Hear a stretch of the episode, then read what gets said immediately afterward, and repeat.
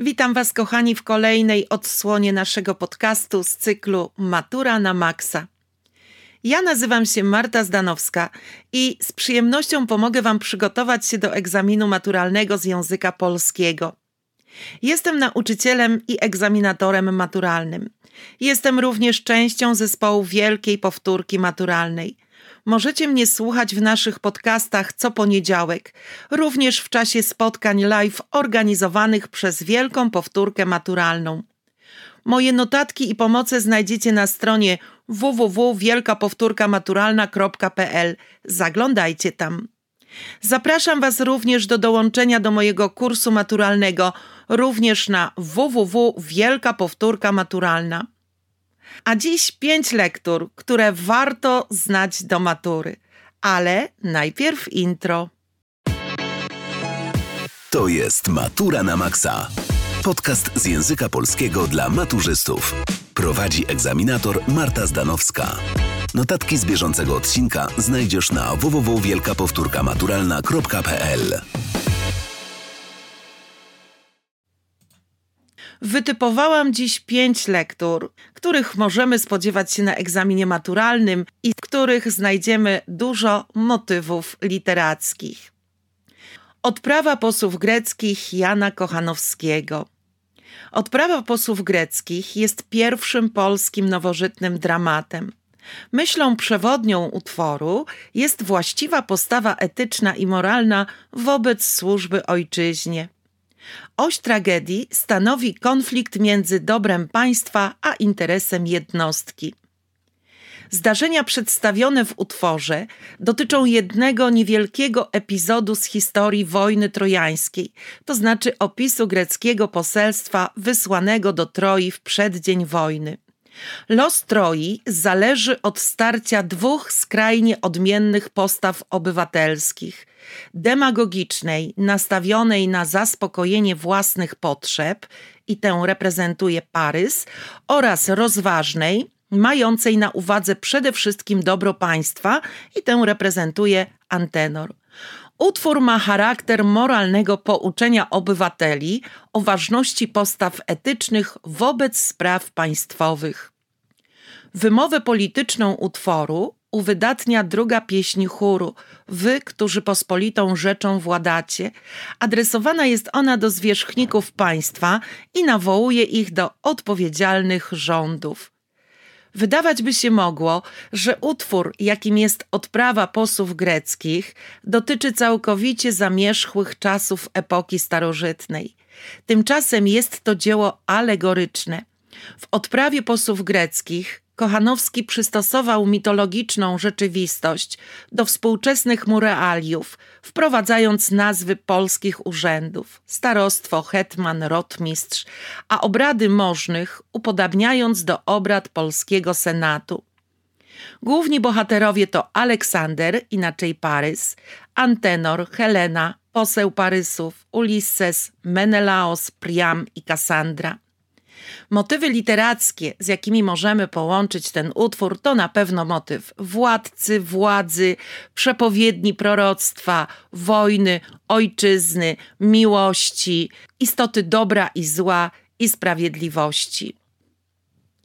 Drugi utwór to Kordian Juliusza Słowackiego. Kordian to jedna z ważniejszych postaci polskiego romantyzmu. Juliusz Słowacki napisał swój dramat po klęsce powstania listopadowego w czasie pobytu w Szwajcarii w 1833 roku. Postać głównego bohatera posiada nie tylko cechy bohatera romantycznego. Kordian jest także polemiką z konwencjami i schematami romantycznymi. Jest to dramat romantyczny. Akcja rozgrywa się w kilku miejscach i dotyczy dojrzewania głównego bohatera do walki o niepodległość ojczyzny. Bohaterowie w dramacie zostali dobrani tak, by Kordian mógł się określić wobec różnych wartości. A więc mamy Grzegorza, Laurę, Violettę, papieża, cara Mikołaja I i wielkiego księcia Konstantego. Kordian jest niezwykle wrażliwy i skłonny do autorefleksji. Jest marzycielem o usposobieniu poetyckim i indywidualistą o wysokich aspiracjach. Czuje się niezrozumiany i samotny. Buntuje się przeciw światu, w którym nie może sobie znaleźć miejsca. Przeżywa ból świata. Niespełnione uczucie sprawia, że Kordian podejmuje próbę samobójczą. Jednak zachowuje życie i zmienia swą postawę. Staje się bojownikiem o sprawę narodową i patriotą. Nie traci jednak wrażliwości i skłonności do uciekania w świat marzeń i wyobraźni. Utwór nawiązuje do powstania listopadowego i opisuje historię nieudanego spisku na życie cara Mikołaja I.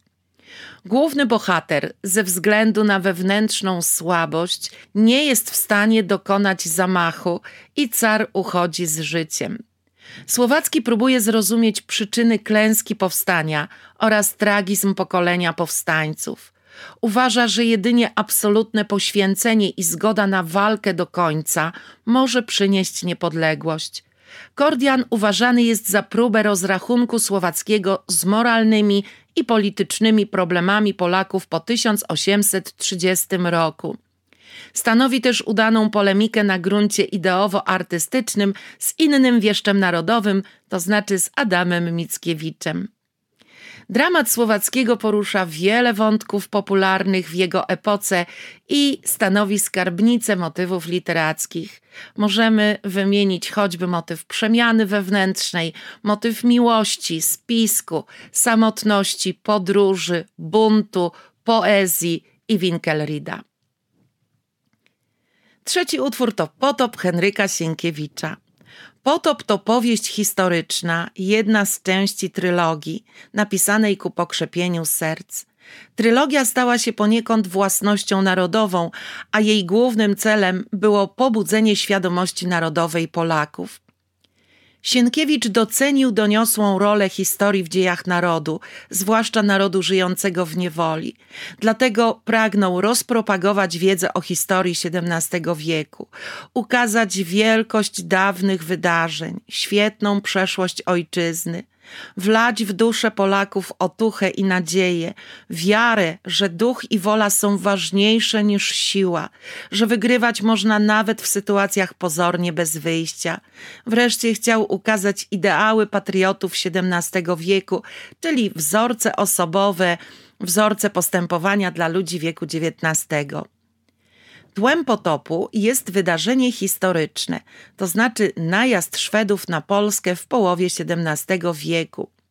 Centralnym wydarzeniem historycznym w powieści jest obrona Jasnej Góry. Fabuła potopu oparta jest więc na historycznych zdarzeniach. Jednak powieść nie dotyczy wyłącznie tych zdarzeń. Występuje w niej wiele wątków. Najważniejsze z nich to historia miłości Kmicica i Oleńki, przemiana wewnętrzna Kmicica, przyjaźń między rycerzami, obraz szlachty w XVII wieku, polskie wojsko w XVII wieku, patriotyzm, wątek polityczno-dyplomatyczny, najazd Szwedów na Rzeczpospolitą, wątek dotyczący Radziwiłłów, obrona przed Szwedami Częstochowy. Poza tym występuje wiele innych wątków pobocznych. Wszystkie z nich łączy postać Kmicica. Sienkiewicz w powieści przedstawia polską historię w sposób wyidealizowany. Przekonywał, że nawet w obliczu tragedii, czyli zajęcia kraju przez wojska szwedzkie, naród potrafi się zjednoczyć i podnieść z upadku. Zaś ci, którzy pierwotnie mają wady, mogą zmienić swoje postępowanie, przysłużyć się krajowi i zdobyć miano bohatera, jak na przykład Andrzej Kmicic. Problematyka potopu Henryka Sienkiewicza łączy się nierozerwalnie z podziałem fabuły powieści na dwa wątki. Zatem wyróżnić można wątek historyczny oraz przygodowo-romantyczny. Wątek historyczny stanowi zarazem tło perypetii bohaterów. Swoją problematyką obejmuje zagadnienie obrony ojczyzny oraz zachowania ludzi i narodu w obliczu nieszczęścia. Z kolei wątek przygodowo-romantyczny to dzieje miłości Oleńki Billewiczównej i Andrzeja Kmicica. Burzliwy związek, pełen różnych perypetii, porusza zagadnienia winy, przemiany oraz odpuszczenia.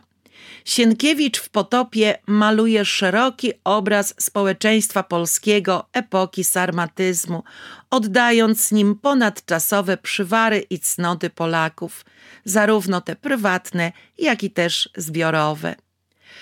W Potopie mamy bardzo dużo motywów literackich, Możemy wśród nich wymienić motyw podróży, również rozumianej metaforycznie, motyw przebrania, przemiany, porwania, pojedynku, zdrady, miłości, motyw ojczyzny, patriotyzmu, wojny, walki, motyw przygody, motyw przyjaźni, sarmaty, sarmatyzmu, odkupienia winy, no i motyw władcy. Tu portret Jana Kazimierza. Czwartym utworem będzie Gloria Victis Elizy Orzeszkowej.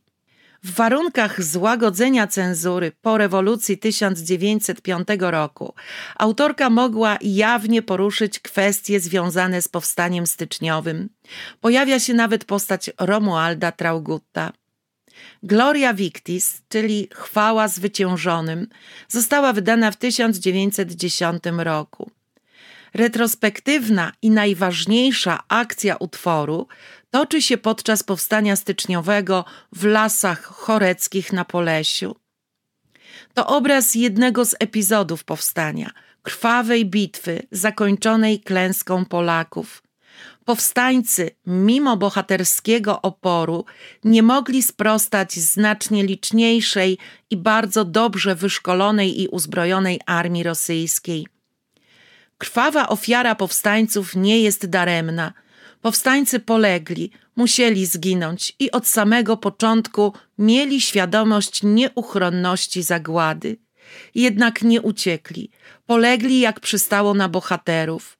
Jedynym śladem po ich heroicznym czynie jest leśna mogiła. Orzeszkowa gloryfikuje w noweli nie tylko bohaterstwo powstańców, ale także dziejowe znaczenie ich czynu. Wielka ofiara młodych ludzi ma stać się wzorem dla przyszłych pokoleń Polaków, żywą tradycją mobilizującą do walki, tym razem zwycięskiej. Zatem nie vae victis, czyli biada zwyciężonym, ale właśnie gloria victis, chwała pokonanym. Zwyciężeni są godni chwały już z racji podjęcia walki w szczytnym celu i złożenia ofiary z własnego życia. Powstanie było czasem surowej próby dla wszystkich Polaków, zarówno wybitnych jednostek, jak Traugut, jak i ludzi zupełnie przeciętnych, jak Tarłowski czy bezimienni bojownicy.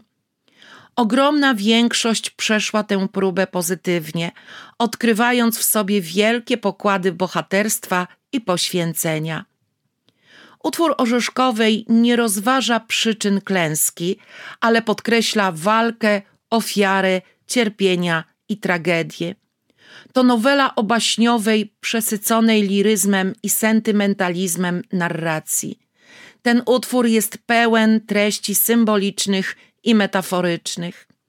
Narratorem jest las, który opowiada wiatrowi historię powstańców.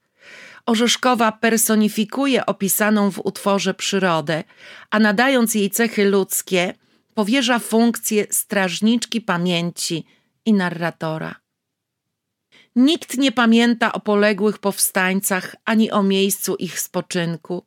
Mogiła bohaterów powstania stoi samotnie w głębi lasu i tylko przyroda na Polesiu pamięta jeszcze o krwi walczących, która wsiąkła w tę ziemię. Leśne kwiaty, dzwonki i dzikie róże zdobią ją swoimi płatkami, a rosnące obok, niczym wartownicy na posterunkach drzewa, szumią o dawnej historii. Pamięć natury jest również sposobem na oddanie hołdu tym, którzy zginęli. Jest też gwarancją tego, że ich śmierć nie poszła na marne. Motywy literackie, z jakimi możemy powiązać utwór, to na pewno motyw powstania, poświęcenia i śmierci, motyw wolności, przyjaźni, miłości, przyrody, mogiły, motyw wodza i motyw patriotyzmu. Piąty utwór to Przedwiośnie Stefana Żeromskiego. Przedwiośnie jest powieścią polityczną. Powstała u progu krótkiego okresu wolności po odzyskaniu niepodległości.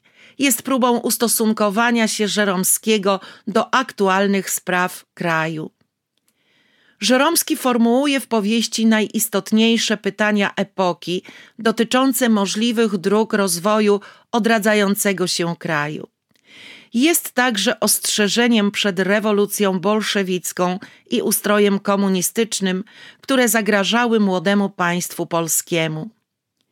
Powieść składa się z trzech części, poprzedzonych rodowodem, które ilustrują etapy życia i dojrzewania Cezarego Baryki.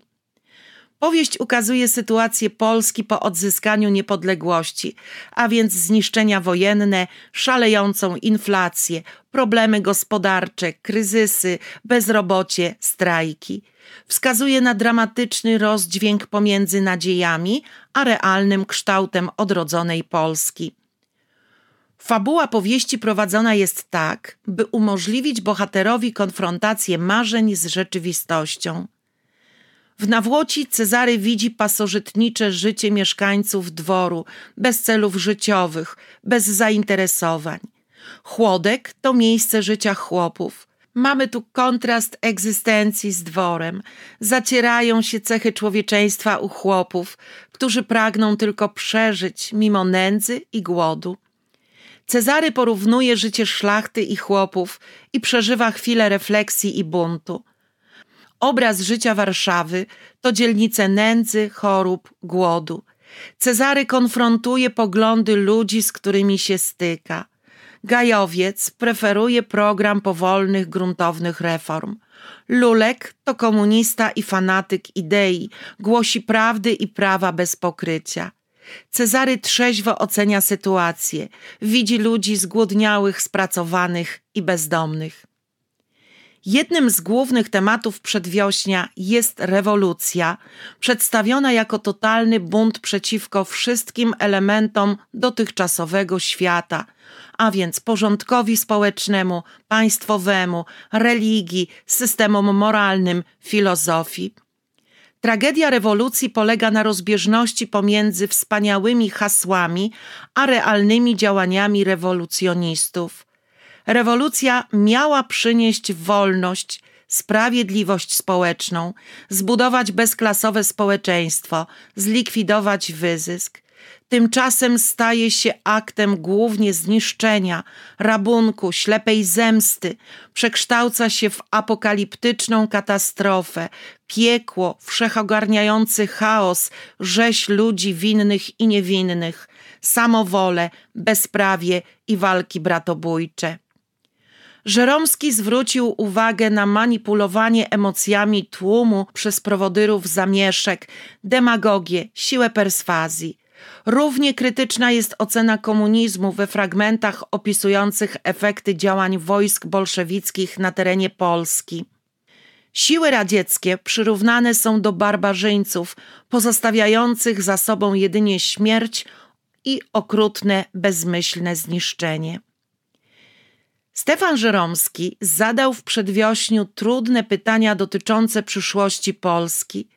Jednocześnie konstruuje koncepcję naprawy Polski, a więc koncepcję szklanych domów. To program utopijny. Koncepcja Szymona Gajowca, tak zwana Gajowszczyzna, to reformy poparte wiarą w opiekę boską i komunistyczna koncepcja Lulka, która za wzór stawia rewolucję rosyjską i głosi jedność klas jako wartość wyższą niż odrębność narodowa.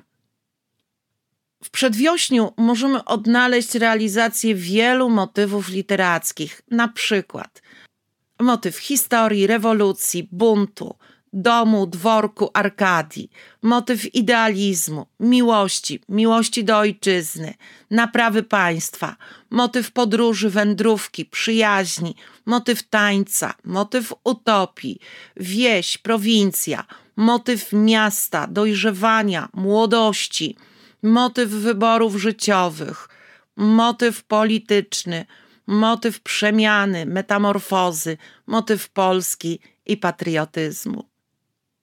To tylko pięć przykładowych lektur, ale pamiętajmy, że we wszystkich lekturach odnajdziemy bogactwo motywów literackich, które na egzaminie maturalnym warto wykorzystać.